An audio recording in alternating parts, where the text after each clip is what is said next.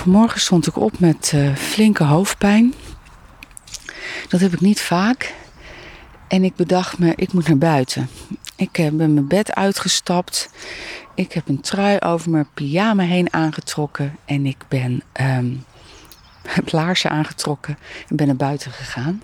En daar loop ik nu.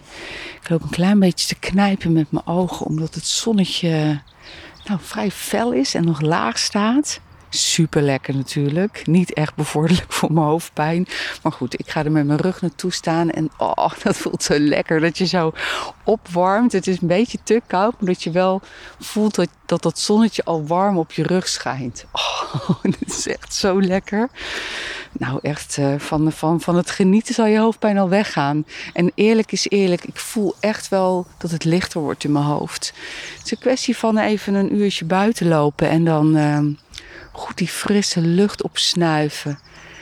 En uh, een paar flinke passen zetten. En dan zakt het wel. Oh, kijk, daar heb je Mif. Hey Mif.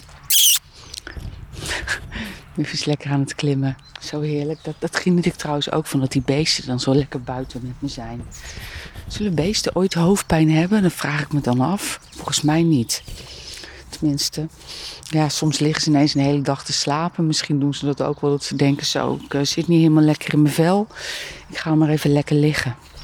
Dat is wel mooi trouwens aan beesten, hè? dat zij uh, gaan liggen als ze pijn hebben.